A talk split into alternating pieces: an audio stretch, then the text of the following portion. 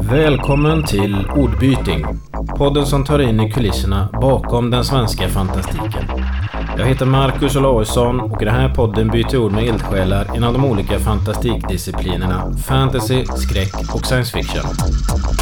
Lämna verkligheten för en stund följ med till fantastikens värld. Det här är Ordbyting.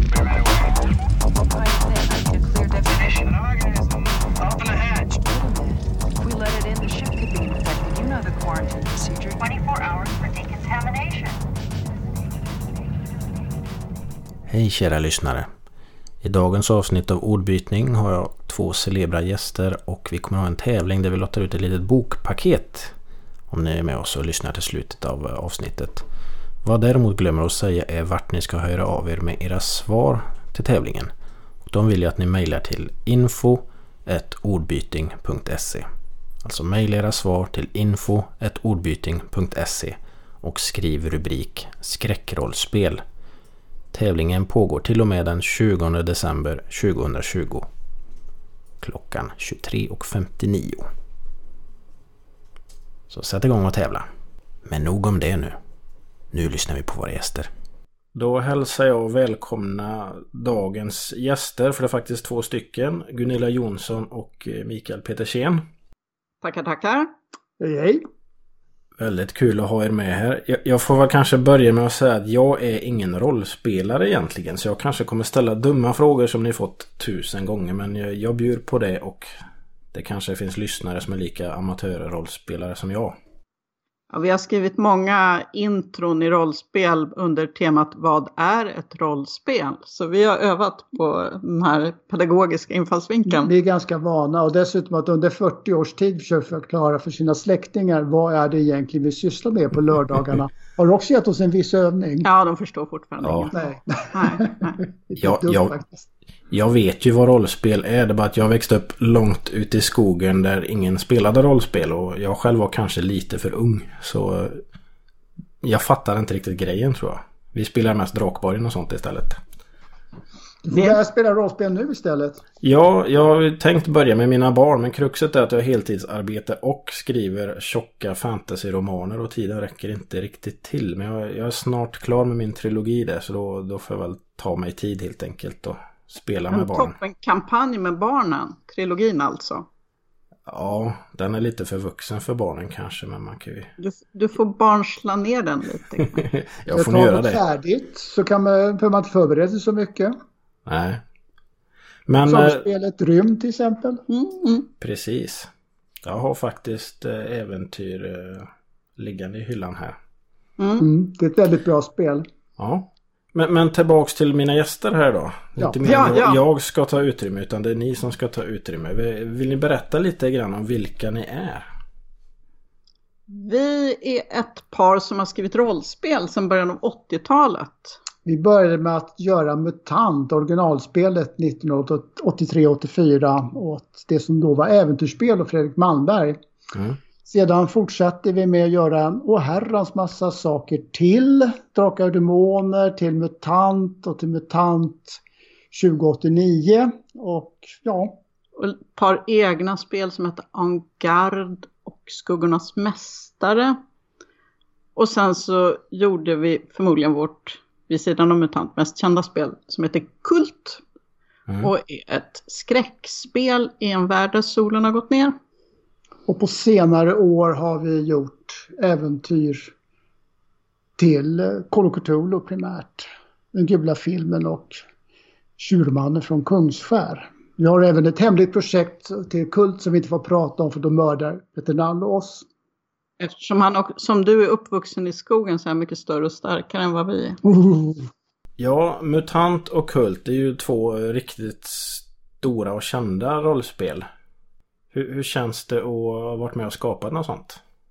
Nu låter Det är jag som en sån här roligt att se sportjournalist. saker man har gjort förändras, muteras, blir något nytt, plockas upp av en ny generation som gör något helt annat av det. Det är väl som själva poängen på något vis med att göra små kulturprodukter. Att Att de har ett eget liv. ja, de Egna blir tolkningar. en del i något större. Som inte blir någonting man hade kunnat föreställa sig. Vi är väldigt nöjda med MUTANT fick ju ett väldigt långt liv och lever ju fortfarande med MUTANT år 0. Ja. Men även med MUTANT undergångens arvtagare som jag personligen var väldigt förtjust i också för dess Ja. blandning av pilsnerfilm och efterkatastrofen. Ja. Och Men- Kult är ju också lite roligt att det är ett helt annat spel som Helmgast har gett ut än vad vi gjorde en gång i tiden. Även om det har stora likheter med världen med vårt spel. Och det spel vi gjorde då influerade senare skräckspel. Så ja, det är lite skoj. Ja. Dessutom har vi skrivit ju romaner nu för tiden vilket är inspirerad av Kult just nu. Ja, Två böcker klara. Tredje boken kommer om ett par år förmodligen. Ja, vi kan väl börja med de böckerna kanske. Kan vi hoppa tillbaka till rollspelet eh, me- mer sen. Eh, Döden är bara början. Hette den första romanen här då. Kom ut 2018 va? Ja. Hur eh, kom det sig att ni gick över till eh, det skönlitterära formatet? vi har väl alltid tyckt att det är roligt att skriva skönlitterärt men vi har jobbat heltid på science fiction-bokhandeln och att skriva en roman är ju, som du säkert också vet, väldigt, väldigt tidsödande. Det är ingenting man gör på en kafferast sådär. Tänker jag skriva en roman, den är säkert klar till sommaren. Så det har väl liksom inte fallit sig så att vi har haft all den tiden. Men nu hade vi möjlighet att ta lite tjänstledigt och det skulle ges ut en ny utgåva av Kult så då kändes det som, ja men det borde vi kunna surfa lite på, Ja, ja och, rent krasst. och rent praktiskt så hörde vår gamla vän Fredrik Malmberg av sig och pratade om kultromaner och då kom vi överens om att vi också skulle göra ett par kultromaner. Det var när Anders Fagers första För gudinnan hade kommit, eller skrivits i varje fall. Och sedan så Fria Ligan tog böckerna i Sverige. Och de kommer även att komma ut i USA som det ser ut nästa år. Det beror väl lite på hur det går med coronan och så vidare men de är i produktion, översättning och redigering för den amerikanska marknaden just nu.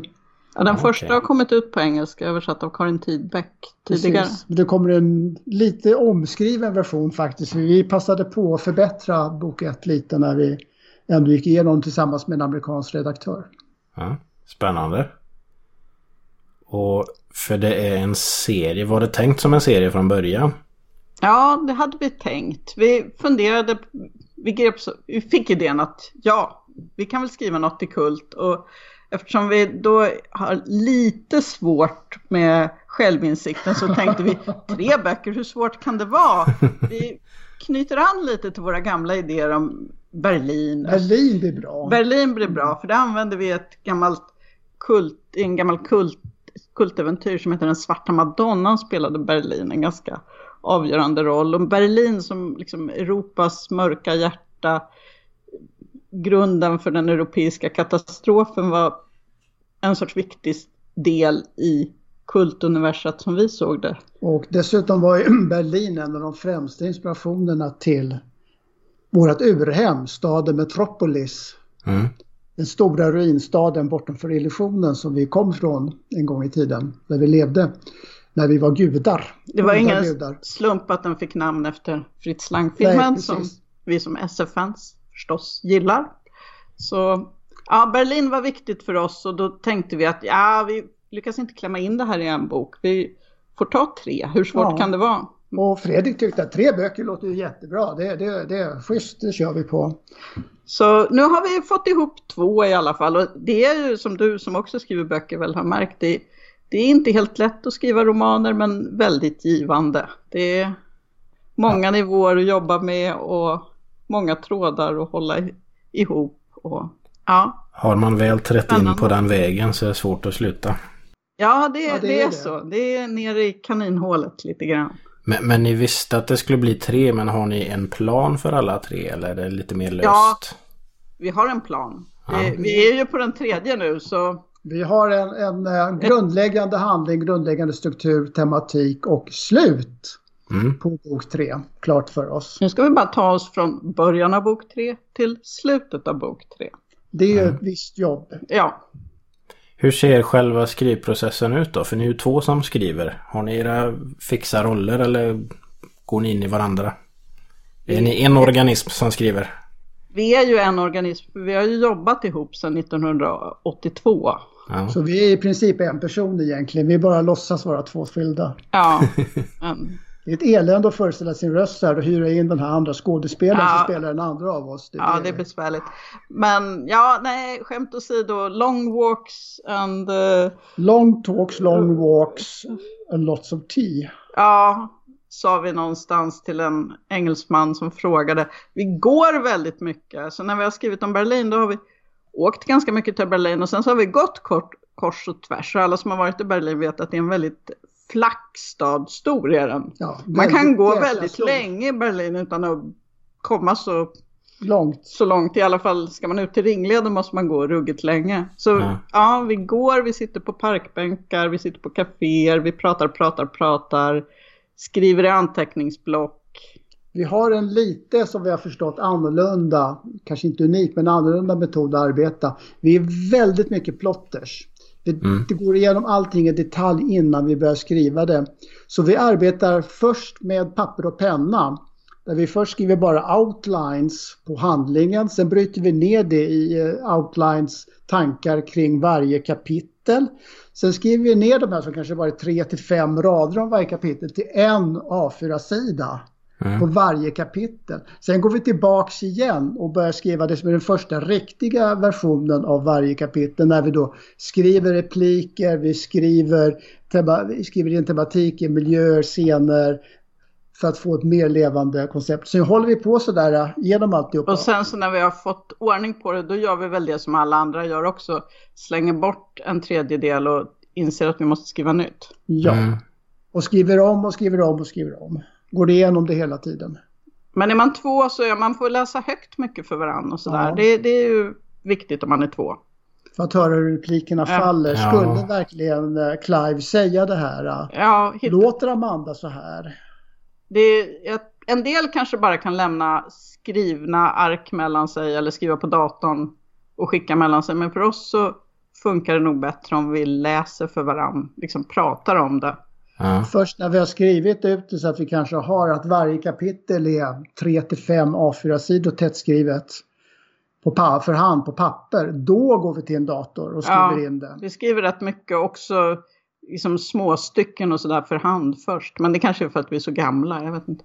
Ja, dator, vad Ja. fan ska det väl Har man hittat en metod är det väl synd att överge den kanske.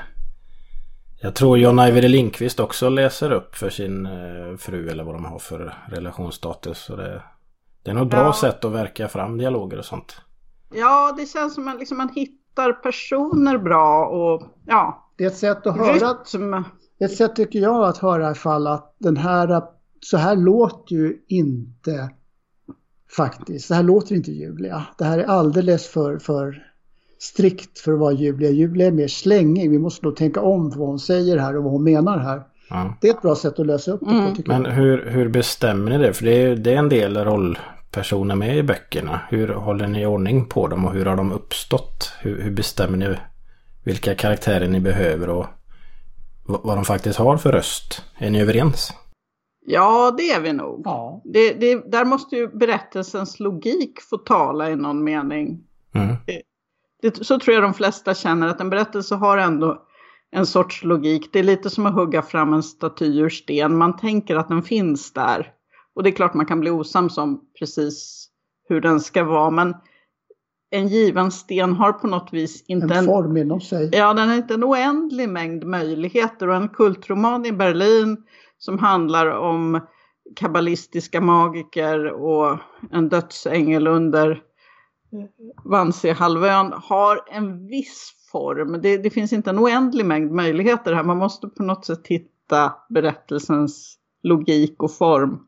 Och då ger sig personerna tycker jag. Fast vi gör ju lite, lite märks för vår rollspelsbakgrund att vi tenderar till att skriva när vi ska börja på en roman och det kommer nya personer in eller någonting har hänt som har påverkat de personerna från de tidigare böckerna som dyker upp igen. Så försöker vi skriva ner en beskrivning, en tanke, en tematik, en röst på den personen. Sen kanske vi ändrar oss fullständigt när vi har kommit in i boken. Men det är i alla fall en start att tänka att ja, undrar om Julia har försökt reda upp sitt liv nu. Tror du det? Ja, vi, vi provar och ser. Julia har redat upp sitt liv. Nej, det funkade inte. Nej, det vill inte Nej, Julia. vill, jag vill inte det. Då får vi gå tillbaks och tänka om. Men vi har någon form av anteckningar i alla fall på kanske en sida eller sådär om hur är den här personen, vart är den här personen på väg, vad bär personen för tematik. Och sen kan, precis som berättelsen har sin givna struktur så kan ju personerna streta emot. Vi har ju två böcker försökt få Clive att mörda sin gamla kompis Moritz, men det vill han ju inte. Han vägrar faktiskt Ja, han fullständigt. bara totalvägrar oavsett vilka incitament vi ger honom. Och han är ändå en skitstövel. En Tillräck, skitstövel. tillräckligt eh, motiverad borde han kunna göra det, men det, nej. Han vägrar. Så Ja. det är bara att inse att nej, Clive vägrar mörda Moritz. Så det, det finns något gott i han ändå. Ja, det behöver inte finnas bara- något gott igen bara för att man vägrar att mörda sin bästa vän. Då är Nej, det är ju väl ribban lågt satt. De det finns känslor mellan dem och det tog vi fasta Ja. på i den nya boken där vi visade att de har haft en nära relation som har gått sönder. Mm. Att, Och att man, när man märker att en gestalt beter sig på det sättet så får man ju idéer om att ja men då finns det någonting här vi kan knyta an till, någonting vi kan berätta om. Det är ett nytt kaninhål man kan dyka ner i. och lite öppnade vi väl ändå för att Clive skulle ju kanske ha en liten, liten öppning mot att bli en litet bättre monster Mm. än han var tidigare. Så det, det finns, om man läser och vill läsa den på det sättet, jag säger inte att det är det rätta sättet, man kan titta på berättelsen och säga, jag undrar om inte Clive faktiskt har blivit en liten bättre människa av att plåga sig i helvetet, vilket är djupt osannolikt. Men det Eller- finns en tolkningsmöjlighet att han faktiskt ångrar en del saker han har gjort. Och man Ja. kan ju bluffa och ångra sig samtidigt. Ja. Människan är ett dubbelt, tredubbelt, fyrdubbelt väsen. Så det ena utesluter inte det andra. Nej. Nej, människor kan ju vara komplexa. Och är väl alltid komplexa. Ja. Ja. Eh, Vi, vi, har en, eh, vi har nämnt eh, kultuniverset och Metropolis och illusionen och så här. Och vi har även nämnt Clive, Amanda och Julia. Men vi har kanske inte riktigt nämnt vad boken handlar om egentligen. Kan ni berätta lite?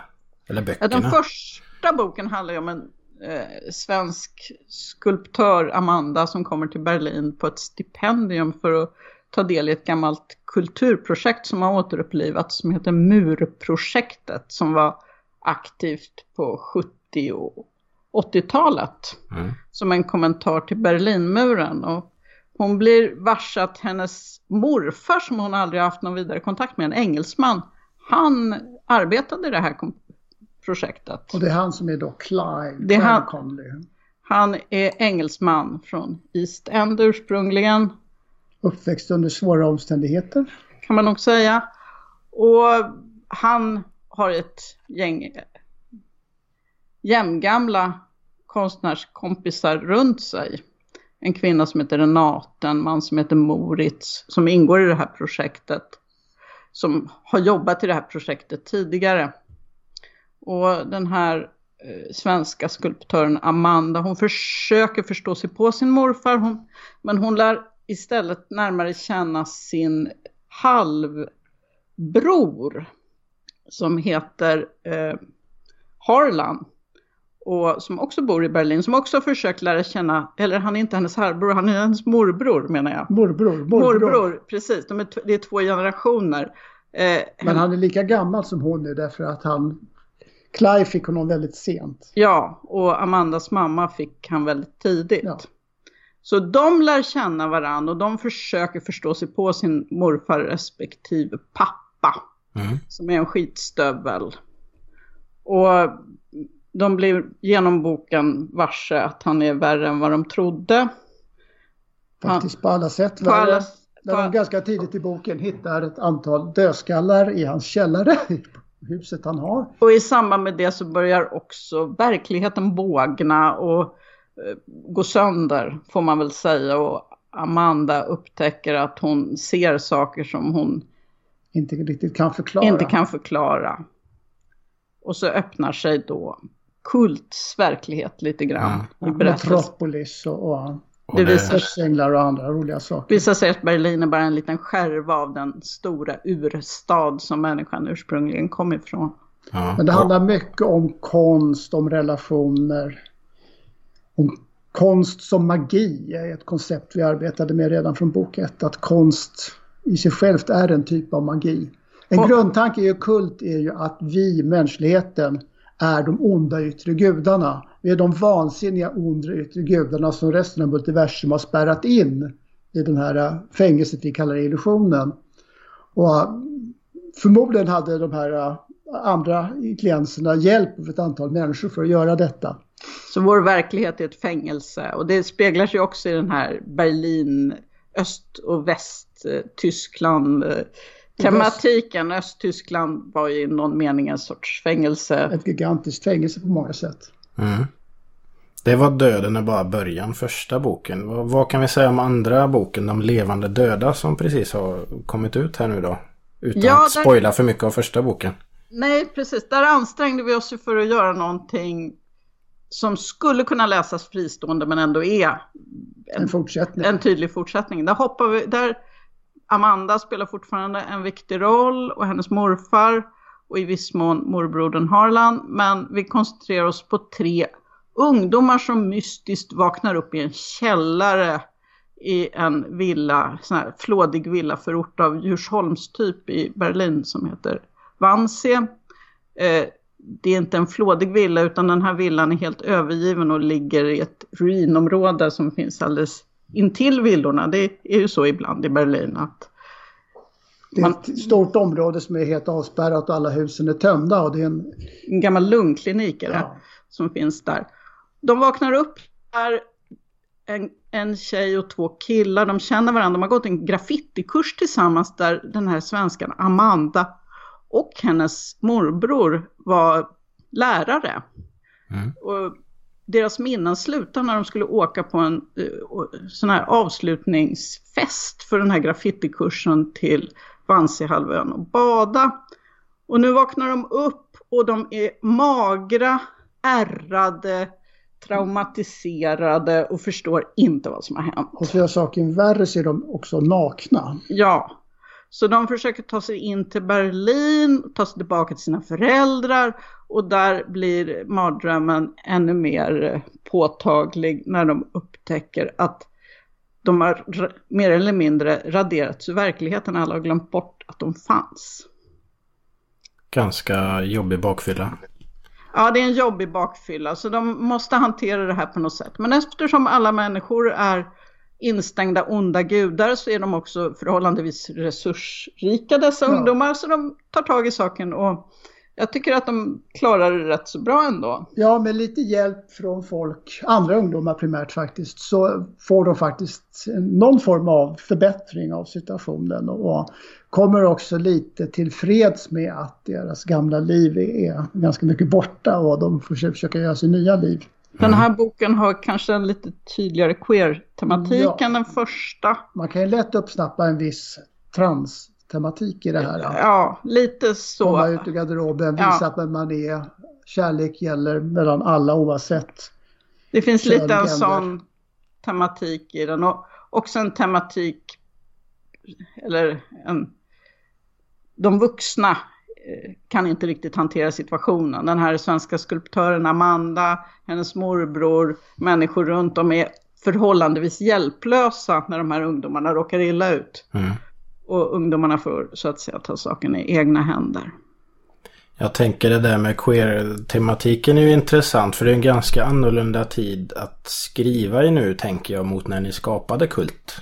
Och det blev moralpanik och, och så här. Ja, det är ju det. Samtidigt fanns väl den tematiken i botten. Jag är genderqueer, transmaskulin och må- många som är queer och trans har tyckt att kult är ett roligt spel, tyckte att det var roligt på den tiden. Så jag tror liksom den sidan av spelet såg folk redan då, men jag tror att det var svårare för folk i allmänhet att se det. Och de som inte gillar spelet såg det ju bara som en satanistisk provokation. Ja, de kanske missade den biten i all rädsla för Satan. Ja, jag tror det. Att alla horn och svansar kom i vägen. Liksom. Själv är jag ju icke-binär så att det, jag har en glidande könsidentitet. Ja. Men det var ju inte... Det är egentligen så. Det var ju Livets Ord som blev hysteriska på det här. Svenska statskyrkan var rätt positivt inställda till spelet faktiskt. De hade ingenting speciellt elakt att säga om det. Utan det var ju Livets Ord som fullständigt tog chansen att kasta sig över någonting och förbättra sina medlemsantal skulle jag säga till rätt hög grad. Livets Ord är ju en amerikansk extremhöger kristen kult Mm. på många sätt. Och för dem var det mumma det här, liksom, gud, ett rollspel som säljs i, i leksakshandeln. Som är satanistiskt. som är satanistiskt fyllt av magi, sex, våld, demoner. Wow! Det, här har vi Pojkar och flickor, det här har vi längtat efter. ja, det skulle kunna vara så att de hade hyrt oss för att göra det. Ja. Mm. Jag kanske hyrde fred... Nej, nej, Nej. nej. nej. Fredrik Men- har moral för att samarbeta med dem. Var, var det jobbigt den här uppståndelsen eller var det bara Ja, det positivt var det att få ju. uppmärksamheten?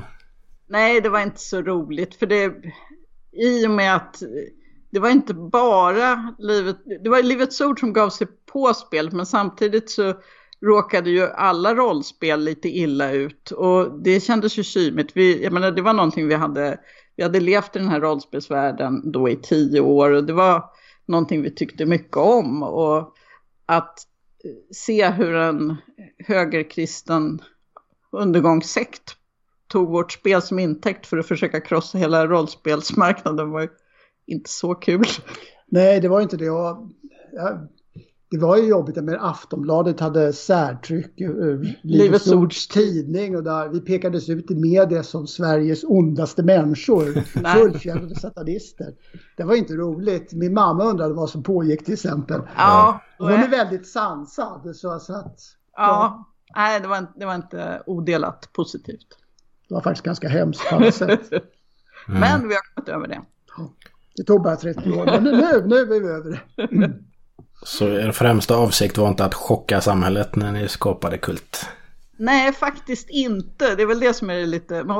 Kanske li, ligger det någonting i den här queer-tematiken, tror jag, där. Att det, det var den vi i någon mening eh, kanaliserade genom eh, den, de här okulta symbolerna och den här, beskri, den här gnostiska Gnostisk, kabbalistiska. Ja, och också ett utforskande som vi pratade om förut. Allt skrivande är ett utforskande. Jag har, min släkt kommer från Västernorrland med en bakgrund i EFS, Evangeliska Fosterlandsstiftelsens ganska strikta herrnhutiska kristendom. Någonting jag också har tyckt att det är spännande att utforska. Så jag tror att intresset för det religiösa som finns i spelet kom nog ur en genuint personlig källa. Det är ju som så att någonstans så, det var ju, det är ett beställningsjobb Kult. Det beställdes äventyrsspel, Fredrik Malmberg bad oss komma upp helt enkelt och prata om ett nytt spel och när vi kom dit så hade Nisse Gulliksson täckt ett helt stort konferensbord med fotografier och teckningar och serier med skräcktema. Och sa något sånt här, liksom jättehäftigt och, och, blodigt. Demoner på motorcykel. Demoner på motorcyklar var en tidig sak som dök upp. Och då gillade ju vi skräckfilm, det ska vi ju ärligt säga att vi hade ju sett väldigt, väldigt mycket skräckfilm. Ja, vi älskar Stuart Gordon. Ja, så vi tänkte ja, skräckfilm och sen så kör vi lite, lite crowleyansk ockultism och så Jag hade nämligen en bakgrund så, i, i magi. Så att jag har, jag har faktiskt hört till de få människor i det här landet som har sysslat med ritualmagi utan att tro på det. Så, Vilket är en spännande kombination. Men det är, det är som man gör när man är liten. Ja. Så allt det där kokade vi ihop och så var vi inte så gamla heller så vi föreställde oss väl inte, det var väl lite fåraktigt av oss att någon skulle reagera. Men tanken var ju aldrig att spelet skulle hamna i händerna på barn. Utan det stod ju faktiskt på kartongen redan att från 15 Ja, år. det- Och tanken var väl någonstans, jag tror inte att Fredrik heller var det minsta förberedd på vad som skulle hända med den enorma reaktionen som då när Livets Ord arrangerade demonstrationer utanför leksaksbutikerna. Så att leksaksbutikerna slutade sälja rollspel. Det, det Nej, det, inte- då hade vi nog aldrig, ingen av oss hade nog tyckt att det var en bra idé om vi hade vetat det. Där rollspel var ju så subkulturellt då så vi tyckte väl att hela den liksom majoritetssamhällets eh, debatt angick inte oss. Vi leker ju här i vårt hörn. Ni har aldrig brytt oss om vad vi gör förut. Varför skulle ni, oh shit, de kommer hitåt, de ser arga ut. Det var ju bara en rolig grej att vi hade så kallad riktig magi i spelet. Ja. Magi primärt, modern västerländsk magi. Så att vi var väldigt överraskade och det var väldigt jobbigt men Tja. det blev ju ett bra spel. Ja, Det, det, det sålde Ja. väldigt bra i väldigt många olika länder. Spelet i sig är väl kult. Ja, det det säga. blev lite så.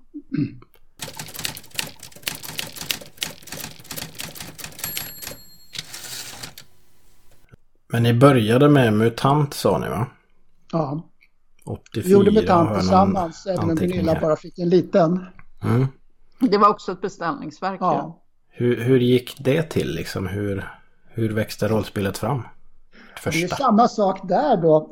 Fredrik Malmberg, jag brukade hänga rätt mycket på tradition på den tiden och pratade mycket med de som jobbade där om spel och rollspel. Och någon gång så råkade jag väl nämna att vi spelade väldigt mycket Gamma World som var ett humoristiskt efter katastrofen-spel som TSR gjorde. Baserat länge på samma regler som Dungeons and Dragons. Ja, en förenklad variant av dem. Med ett humoristiskt spel med, med aggressiva jättekycklingar med strålpistoler och sådana saker. Ruinstäder, radioaktivitet, allt det där roliga ni vet, som man vill ha efter Det katastrofen. Deras variant på Ankorna. Ja, Ja. precis. Och uh, Fredrik uh, frågade helt enkelt mig en dag om jag ville göra ett svenskt Gamma World. Ja, visst, sa jag glatt direkt utan att tveka. Så vi gick ner i kontoret, för det var en trappa ner på den tiden, en spiraltrappa ner. Och tittade på lite saker om Gamma World och pratade lite och kom lite tankar. Och sen så gick jag hem och berättade för Gunilla, hej vi ska göra ett rollspel. Är du galen? sa Gunilla. Ja, inte riktigt kanske, men det var kul sa du kanske snarare. Och sen började vi tänka, Ja, och- vi, i ärlighetens namn, rollspel är ju en sorts kollektiv verksamhet. Vi blandade ju in många av våra kompisar också. Min, min k- gamla barndomsvän Karin, Paula, Hasse, Martin. Vi var ju ett gäng människor där folk kom med förslag på mer eller mindre knasiga idéer och där de flesta var SF-fans, fantasy-fans, hade en bakgrund inom science fiction. Så de, det var väl mest jag och Mikael som spånade ihop det, men lite är det får man väl nog säga, ett sorts kollektivt arbete också. Karin gjorde mycket Ja. på till det. Men en sak vi kom fram till väldigt tidigt gjorde med tant att det här skulle vara ett efter katastrofen som var efter efter katastrofen. Det här utspelas ju 300 år ungefär efter den stora katastrofen. Så att det har ju hunnit bygga upp ett nytt samhälle på en ungefär 1700-talsnivå teknologiskt och, och samhällsmässigt. Så det är ju inte riktigt samma sak. De, de efter katastrofen-spel vi hade spelat var ju dels Gamma World som utspelar sig en bra bit efter katastrofen och humoristiskt. humoristiskt. Och sen hade vi spelat en del Aftermath som verkligen är ett dog eat dog-spel där man spelar ganska nära katastrofen, kärnvapenkriget och alla springer runt med ungefär som i Mad Max med mohikaner och k-pistar och motorcyklar och mördar varandra över burkar med ruttnande hundmat. Och vi dumpade glatt hela den där Där biten. tänkte vi ju faktiskt att detta, där tänkte vi detta är ett spel för barn. Ja. Kult var ju avsett att vara för tonåringar, medan det här var ju avsett att vara för barn. Det hade ju specificerats när vi Ja. skulle göra det. Så vi tänkte ju svensk barnkultur. Vi tänkte björnar, kaniner, muterade djur, Älgar, muterade älgar. muterade älgar, någon sorts lite sådär Astrid Lindgrenskt samhälle eller man ska säga som gjorde det hela lite mysigare. Så det var en helt annan infallsvinkel eftersom det var ett spel som var ursprungligen avsett för barn. Rubbet där i. Lönneberga. Ja, lite så. Det, och just att det utspelar sig då så lång tid efter katastrofen så folk har ju inga traumatiska minnen av någonting längre utan folk har växt upp i ett bonde eller stadssamhälle på ungefär 1700-1800-talsnivå.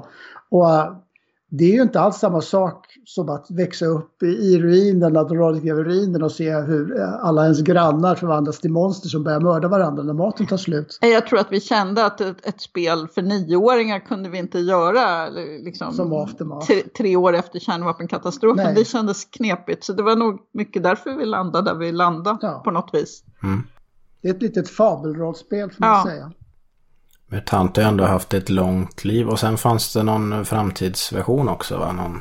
Ja, MUTANT 2089, det är som cyberpunkversionen kan man säga. Fast utan uh, cyberspace till att börja med innan vi korrigerade det.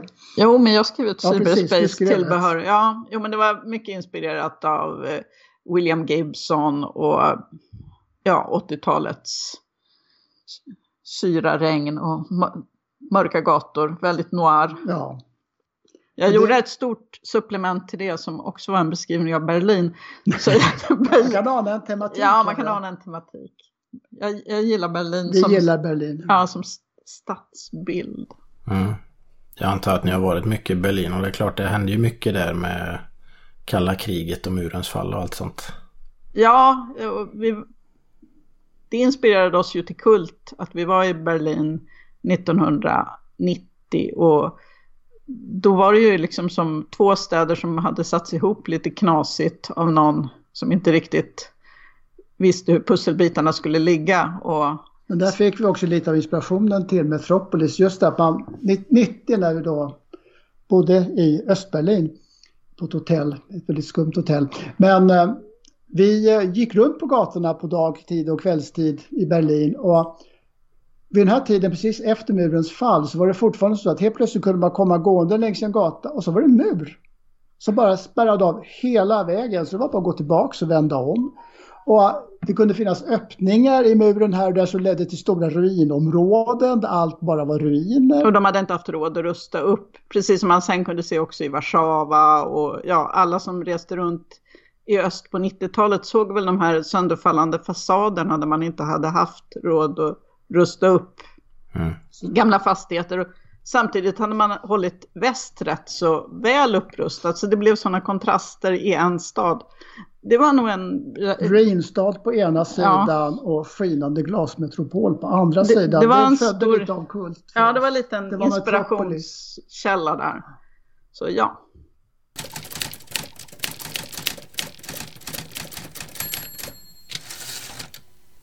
Hur, hur skulle ni säga att, att det skiljer, om det nu skiljer, att skriva rollspel och skriva romanerna då? Som ni gör nu. Är det, är det samma process? Helt olika. Att skriva ett rollspel är ju som det allra första arbetet med en roman när man ska försöka lägga grunden samtidigt som man måste... Ett rollspel ska ge öppningar för att spela på många, många olika sätt. Man måste tänka att de som ska spela är inte jag, de ska hitta egna vägar in i det här. En berättelse ska kunna berättas på många sätt i ett rollspel i allmänhet. Så det är mer världsbyggande då? Ja, medan en roman måste ju snävas av och hitta sin egen röst. Den har bara en röst. En roman liknar mer när man spelar igenom ett scenario skulle jag säga i ett rollspel. Det är Då- slutresultatet. Det är slutresultatet. Då hittar man ju en röst. Då måste ju alla kläcka sina repliker och alla måste spela sina roller på ett visst sätt. Handlingen måste få ett visst förlopp. Och där landar romanen och sen så på det så måste man ju få till själva det språkliga hantverket och rytmen och Bitet i boken. bitet i boken. Men det är ju lite likt bitet i att spela rollspel. Så för som spelledare måste man också hålla en viss rytm. Folk får inte bli uttråkade. Samtidigt så kan man inte bara rusa igenom så att de inte hänger med. Utan jag tror att det där berättarrytmen, det är någonting man lär sig lite i rollspel. Sen är det ju en våldsam skillnad på tidsåtgången. Nu tar vi rätt gott om tid på oss för att göra saker och ting till rollspel också. Men vi tog säkert ett halvårs skrivtid för att göra Tjurmannen från Kungsfär. Vilket är längre tid än vi tog förr i tiden. Vi har, lite av våra sätt att skriva böcker har, har spridits eller smittats. Man Lite. kanske skriver långsammare när man blir äldre också. En Det del människor säger det. Det kan vara för att hjärnan segar Men det är ju ett helt, det är en helt annan arbesinsats annars. Det är Ja. ju väldigt mycket enklare att skriva rollspelssaker än vad det är att skriva Man hittar romaner. ju inte felen i ett rollspel och det gör inget därför att det finns så många olika spelmöjligheter. Men i en bok måste man ju hitta alla, Tankefel. alla tankefel, alla logiska fel, men också de känslomässiga felen. Det här, ja, som att nej, han kan inte göra så här mot sin vän. Nej, hon kan inte resa sig, hon klarar inte av det. Hon, hon eh, mår, Mår för dåligt. mår för dåligt. Hon måste hitta en annan väg genom den här historien utan att de andras vägar går sönder, utan att huvudhandlingen går sönder, utan att tematiken rasar ihop. Den sortens problem får man väldigt sällan i ett rollspel. Och i rollspel tenderar vi också till att om det är något riktigt stort som Tjurmannen så kan vi skriva olika delar faktiskt och sen så går vi igenom det den andra har skrivit. Ja, och, och limmar ihop det. Ja. Men det, så, har vi, då ska det vara stort så har vi inte gjort med romanerna, utan de skriver vi tillsammans helt och hållet. för att de ska få... Men det är du som klär dem i språk. Ja, vi skriver dem... Jag, jag, när vi, Sista skrivningen sista skrivningen mig gör jag med Mikael bredvid. Mm. Uh, Tjurmannen från Kungsskär nämnde det här. Det är till Call of Cthulhu va? Sverige. Den Ja, precis. svenska varianten. Ja, det är en stor kampanj som utspelar sig i Sverige. Och vidare utåt. Och vidare ut i andra delar av Norden. Och det finns någon gula filmen eller vad? Eller? Ja, den har vi skrivit tillsammans med Gabrielle de Boer som Ja, är en yngre rollspelsförfattare. Det har ju dykt upp fler. Ung, Mm. det, är, en god vän till oss. det är lite roligt att det dyker upp unga rollspelsförfattare som... Unga säger vi ja. Ja, Ja, för ja hon, hon, hon är pytteliten. Eh, Säger vi geronter här. Ja, Men det var roligt för vi kompletterade varandra bra och hon, var, hon är filmvetare. Så ja, det är ju så att så här, mer vad gäller rollspel skulle jag säga än böcker så måste man ha någon sorts researchen måste göras på ett lite annat sätt. För en roman behöver man ju också en massa väldigt djupgående research. Det behöver man. Mm. Men ett helt spel kan ju bli så yvigt så man måste ju göra liksom väldigt bred research på något Ja. sätt. Skriver man en roman i Berlin så är man i alla fall i Berlin. Man Ja. behöver inte researcha Paris. Nej, inte så mycket i alla fall. Nej, det är ju sant. Och i ett rollspel då ska du ha ett... Egentligen ett verktyg då för spelledaren där de kan ta vidare berättelsen lite som de själva Ja, ty- tycker arbetar passar.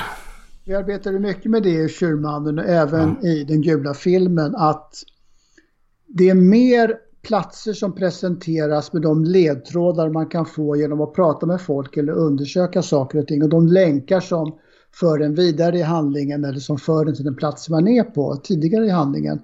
Så det är ju ett rollspelsäventyr speciellt är ju mycket en väldigt öppen struktur för oss.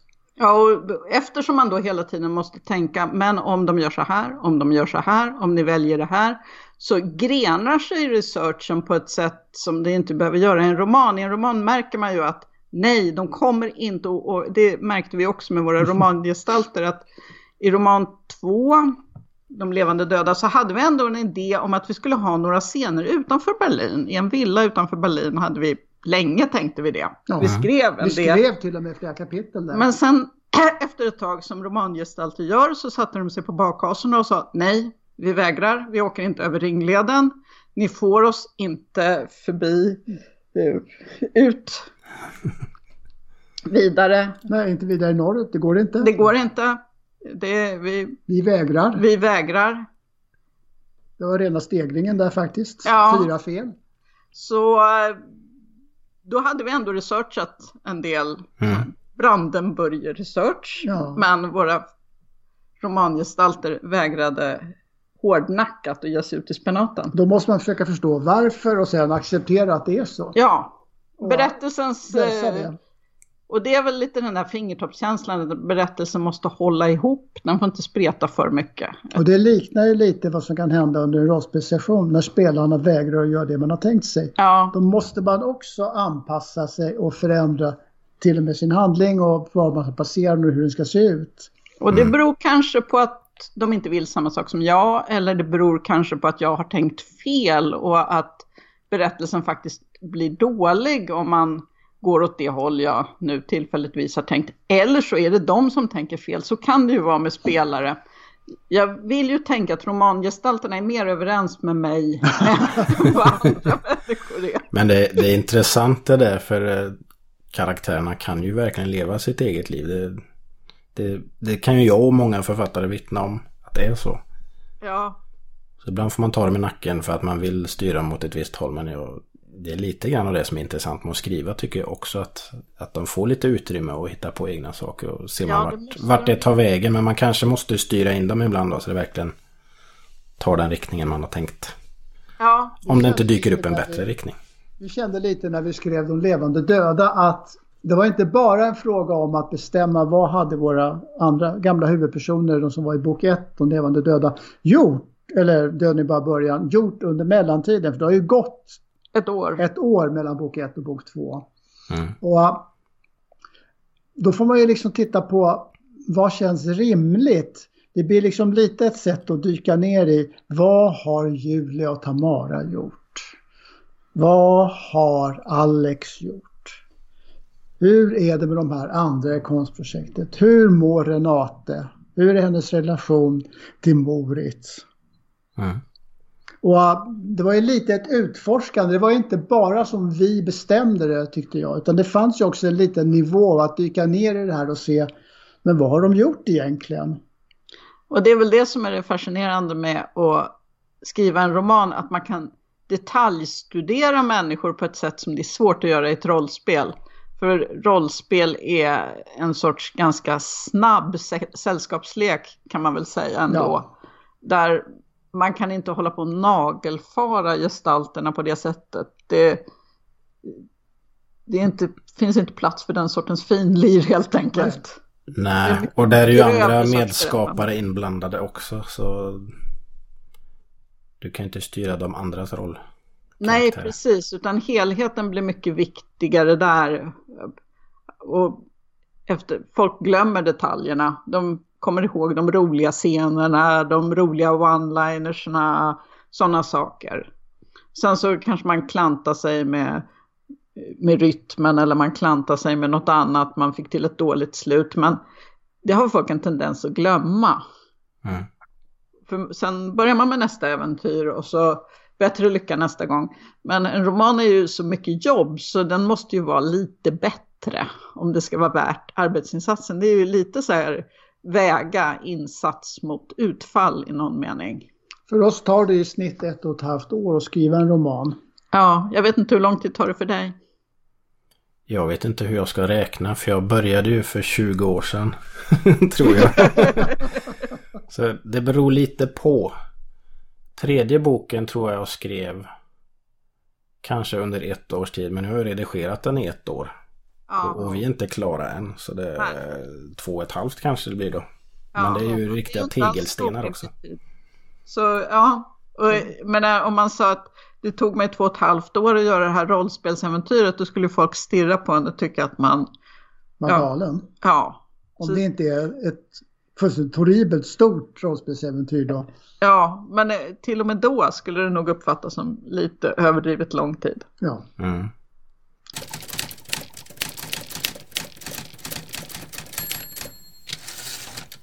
Men om man nu... Om man tänker att ni skulle skriva ett nytt rollspel idag, något helt nytt. Eller att någon annan ska göra. Vilka tips skulle ni ge? Vad har ni lärt er längs vägen? Era dos and don'ts? Se till att du har en marknad.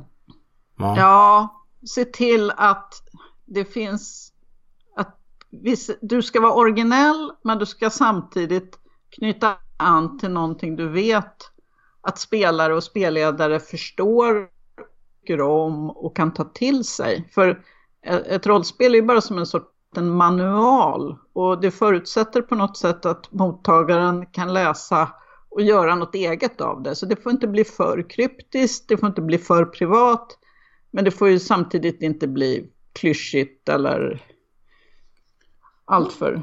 En lite unik idé, lite som Mörkborg har. Ja, Det är också ett, det är ett väldigt bra oerhört rollspel. välgjort spel på alla sätt. Som är annorlunda och kul. Så det går ju att göra saker på nytt. Ja. Men rådet är ju också att testspela, testspela, testspela. Det är lite som när det gäller att skriva en roman. Skriv om, skriv om, skriv om. Så gäller det att testspela, testspela, testspela. Och då är det inte bara reglerna, för reglerna, man kan alltid sno Fate-reglerna eller det, det, det, finns gott om bra regelsystem där ute. Men Mm. världen, hur man gör rollpersoner, hur de hänger ihop, hur man skapar en helhet. Vilka speciella element du har i reglerna som ändå är unika för din, ditt spel. Som till exempel det här Mörkborg har roliga element där världen kan gå under. Gradvis går under. Och under vad som händer. Call of Cthulhu har sitt vansinnes sanity points. Man blir galnare och galnare ju längre man spelar. Galen inte i någon rent psykiatrisk mening utan i en sorts Pseudo. pseudopopkulturmening blir man galen. Och vårt ursprungliga kult hade, en, hade ett begrepp som heter mental balans. Som där människor som är helt fängslade i verkligheten, de har mental balans noll. Och ju svartare, mörkare och mer on the dark side eller mer ljus och änglalik man är eterisk, desto mer ser man av verkligheten. Sådana element som fångar spelets värld. Också en unik värld är värt mycket i... eh, Men det finns en anledning till att ett spel som är så pass udda som Shadowrun har levt i sex eller sju utgåvor och fortfarande är roligt. När vi spelade Shadowrun 2 på 80-talet och vi har spelat Shadowrun 6. Det är alltså, om du inte har spelat det, det är fantasy cyberpunk i, på amerikanska västkusten kan man säga. Med Okej. alver, orker och troll och människor. Ja. Och storbolag, Och storbolag och ja. hacking. Så Ja. man behöver en idé som folk ändå kan ta till sig och som gärna som har någon sorts tematisk grund.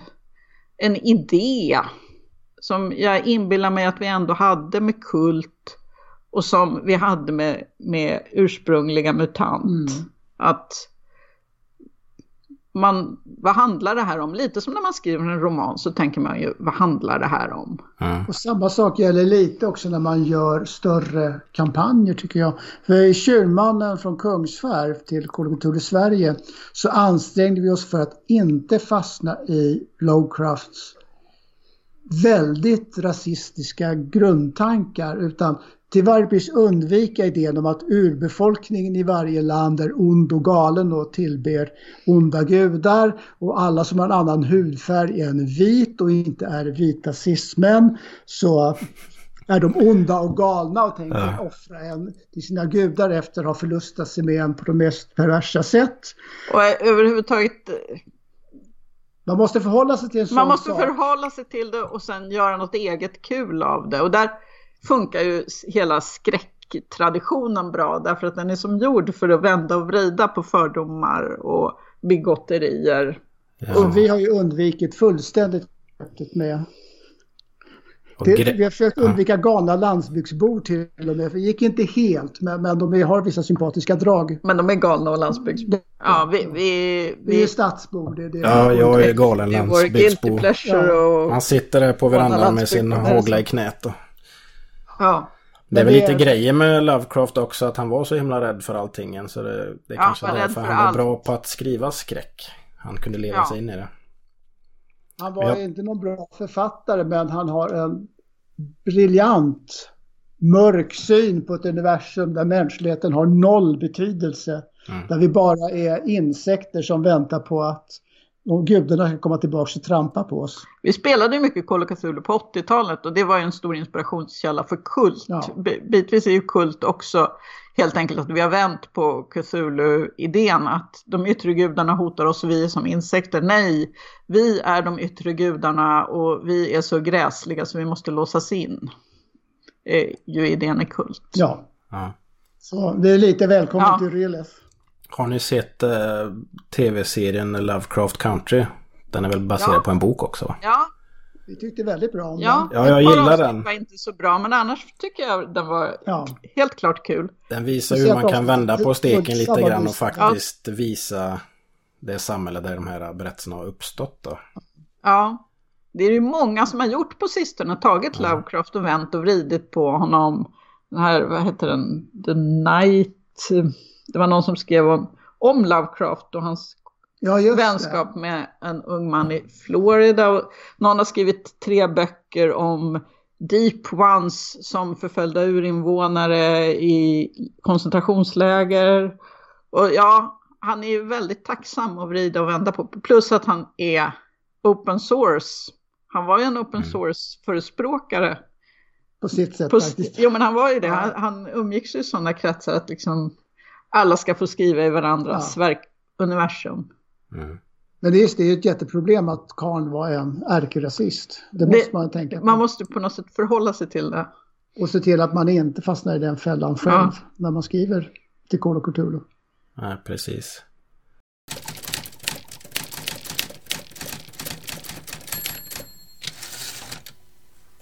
Ja, nu har vi diskuterat mycket om det förflutna och, och nuet. Hur ser framtiden ut då? Ni nämnde en tredje bok. När kan vi vänta oss den tro?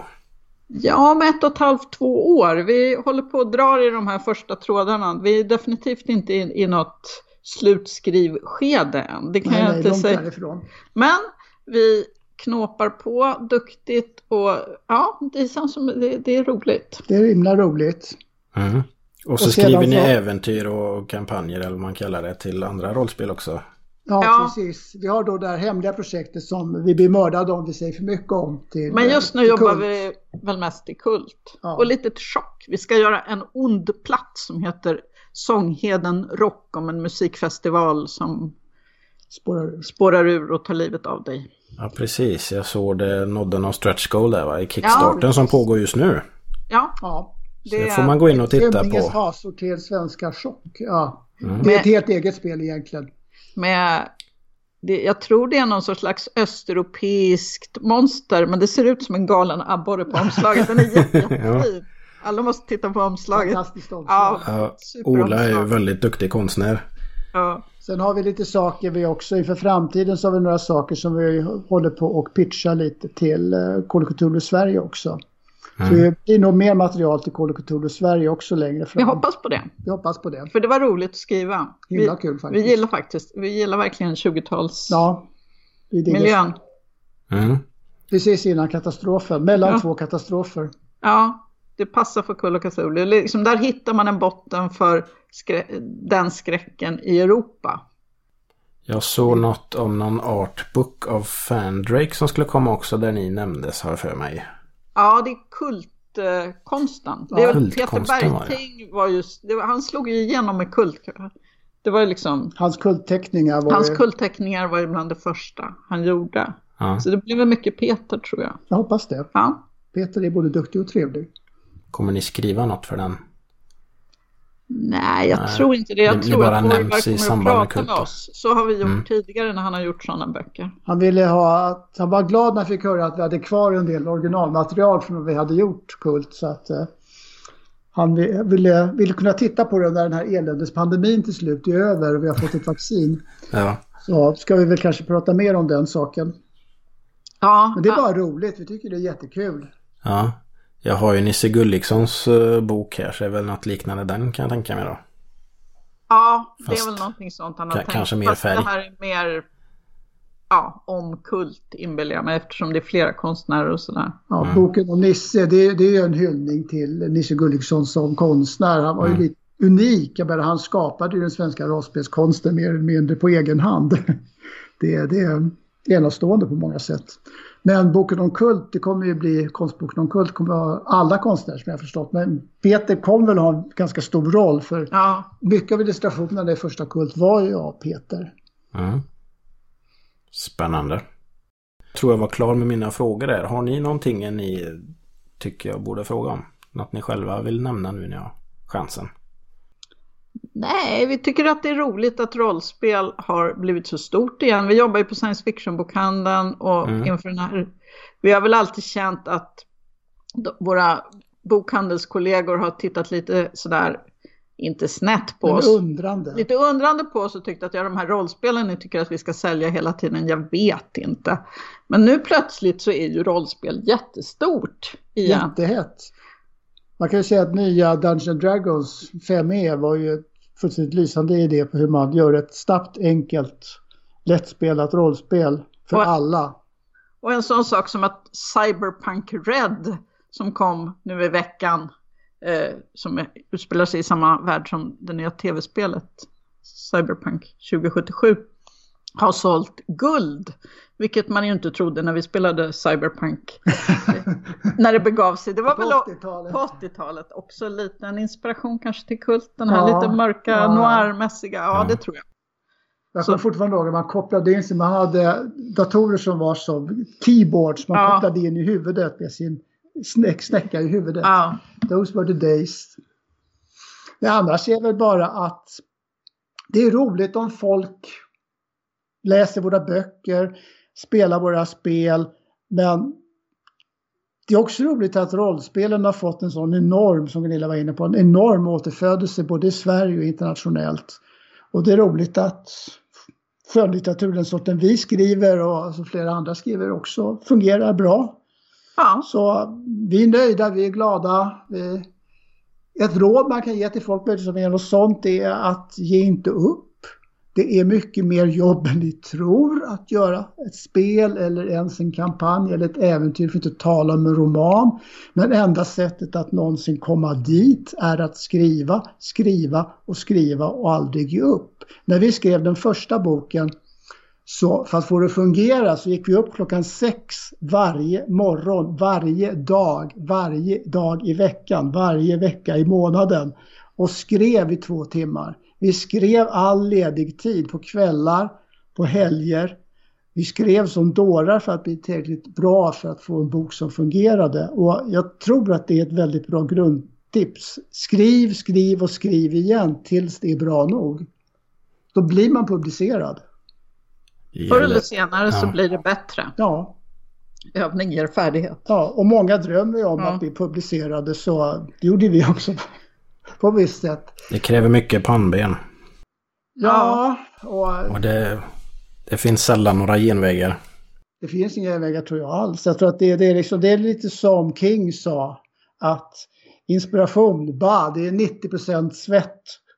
Ja, ja, man kan ju få hjälp. Vi har fått hjälp av bra redaktörer. Det kanske du också har erfarit att ta, ta emot all hjälp ni kan få. Kritik är bra Kritik från folk som vet vad de säger, vad, vad de pratar om. Vi är- hade ju förmånen att ha två redaktörer på vår första bok, Amanda Zettervall och Mischa Thomas. Den andra, Ja, Mm. precis. och det gav ju liksom en enorm skjuts. Ja, så Professionella redaktörer är en hit. Kan du få tag i en professionell redaktör på något sätt så, till exempel låsa in hen i garderoben eller så är det en jättebra idé. Ja. För en redaktör pekar på saker och ting som du har missat. Ja. Och just att testa olika redaktörer och testläsare. Och Ja, för min del har även att skriva noveller och tävla med noveller gjort stor skillnad. För jag blir tvungen att skära mycket mer i mitt material. För jag skriver alltid för mycket. mm. Då får man inte plats inom ramen för tävlingen. Och då får man ta bort allt oviktigt. Ja. Och just skriva lite olika saker. Det tror jag också är bra. Det, och läsa förstås. Mm. Man kan inte gärna skriva utan att, att läsa. nej, läs massor. Gå en skrivkurs. Ja,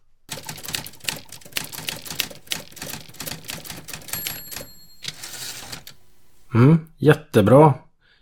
Innan vi slutar, jag tänkte jag skulle lotta ut era böcker för Fria Ligan har varit snälla och skickat eh, böcker till mig här faktiskt. Oj, ja vad bra. Så jag tänkte vi lottar ut båda två. det låter bra. Det låter perfekt. Men eh, då måste jag ha en tävling också. Jag har inte kommit på någon tävling men det räcker väl att man lyssnar på avsnittet och så får man kanske eh, meddela sig till mig och säga ett kodord eller något. Som bevis på att man har lyssnat på avsnittet. Ja, eller så ber du dem göra någonting. Som, Göra en liten tävling brukar vara rolig. Jag menar, de hade ju en tävling för då man skulle göra en liten limerick. en limerick. Men det är svårt att göra en Det är limerick. svårt att göra en limerick. De fick många svar. Ja, men en limerick är svår. Limerick är svår. Men eh, vad sägs om titeln på ett nytt rollspel? Vilket, vil- vilken titel skulle ditt skräckrollspel ha? Mm. Och bästa två förslagen, eller det bästa förslaget får böckerna. Ja, Du är enväldigt eh, väljare av det bästa. vill ni vara domare då? Vi kan vara domare. Vi kan vara domare. Då är ni domare. Då säger vi så. Bästa titeln på ett nytt roll- skräckrollspel. Ja, Så vin- vinner man båda böckerna. Ja, låter perfekt. Och eh, ja, jag får väl sätta en deadline här också. Det beror lite på när jag släpper det här avsnittet. En vecka sådär brukar nog vara bra. Jag tror de hade en vecka på sig Mm. på bårhuset. Vi säger man har fram till eh, 20 december på sig då. Då hinner man kanske inte få böckerna innan julafton. Men, Nej, det får man inte som det ser ut nu Nej. på Postnord. nej, men det hinner man knappt få ändå. sysslar med postorder kan säga att det, den, det tåget har nog gått ändå. Ja, precis. Så tävlingen pågår till och med 20 december. 23 och 59. Det låter perfekt. Så kan vi Ja. bestämma vinnare dagen efter. Ja, Låter fint. Kalas! Tusen tack för att ni ville vara med och eh, jättekul att läsa era böcker. Vi får väl se om jag lyckas spela era spel också. Jag ser fram emot eh, tredje boken. Det det låter bra. Vi ska jobba flitigt här. Det blir bra Storkammaren. det. Ja. Mm. Ha det gott! Ha det Ha det gott! gott. Hej. Hej då. Tack för att du har lyssnat på Ordbyting. Du hittar avsnittets länkar och fler avsnitt på www.ordbyting.se. Om du har önskemål om gäster och diskussionsämnen, hör av dig på info.ordbyting.se. Tänk på att i rymden kan ingen höra dig lyssna. Så om du gillar avsnittet, sprid det gärna i sociala medier. Tack och ha det bra.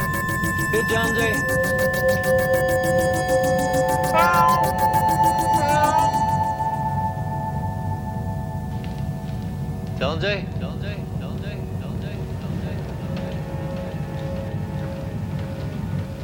Beer, get it, get it, get it, get it, get it, get it, get it, get it, get it, get it, get it.